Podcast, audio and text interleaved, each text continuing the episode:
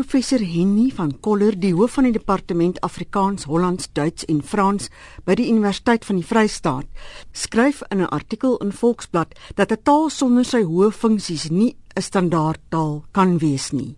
Dit gaan oor die gebruik van Afrikaans as onderrigtaal by die universiteite van Stellenbosch, die Vrystaat in Bloemfontein en Noordwes op Potchefstroom.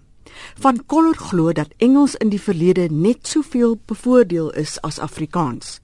Maar Kaya Ngwanyana sê die staatsbeleid gee alle tale 'n gelyke plek. The language that must be used as a language of instruction has to be a language that can be spoken by more than one group.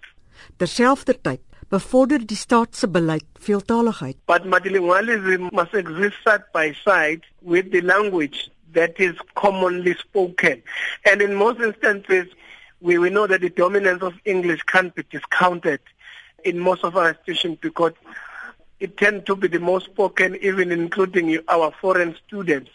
Die departement van hoër onderwys en opleiding sê Ngonyana sal nie voorskrifklik wees nie.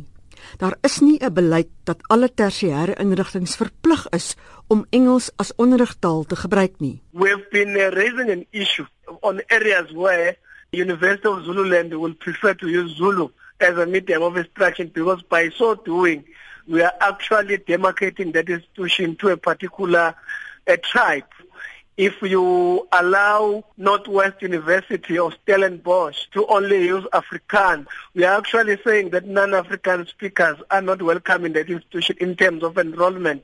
Die wêreld van vandag vereis volgens Ngwanyana dat Engels wyd internasionaal gepraat word. Institution that used to be before where you'll find even the textbook written in Afrikaans was they had to be awakened to the fact that post 1994 opened up different bridges for various students so it has to choose a language that accommodate different set of students from different backgrounds Nkwanyana sê sy minister Blade Nzimande glo dat Afrikaans 'n belangrike taal is. They is actually impressed about how it was developed as a language of commerce, of academia after 1948 and they feel that it's a leap that we must take in other languages that how do you develop even your ordinary vernacular language of Africans to become a language of commerce, a language that can be spoken to in the curriculum. But we're in a democratic South Africa where we have 11 languages and we can't elevate any language over the other at the exclusion of others. Kaya Ngwanyana, die woordvoerder van die minister van hoër onderwys en opleiding, Blade Nzimande, Mitsi van der Merwe in Johannesburg.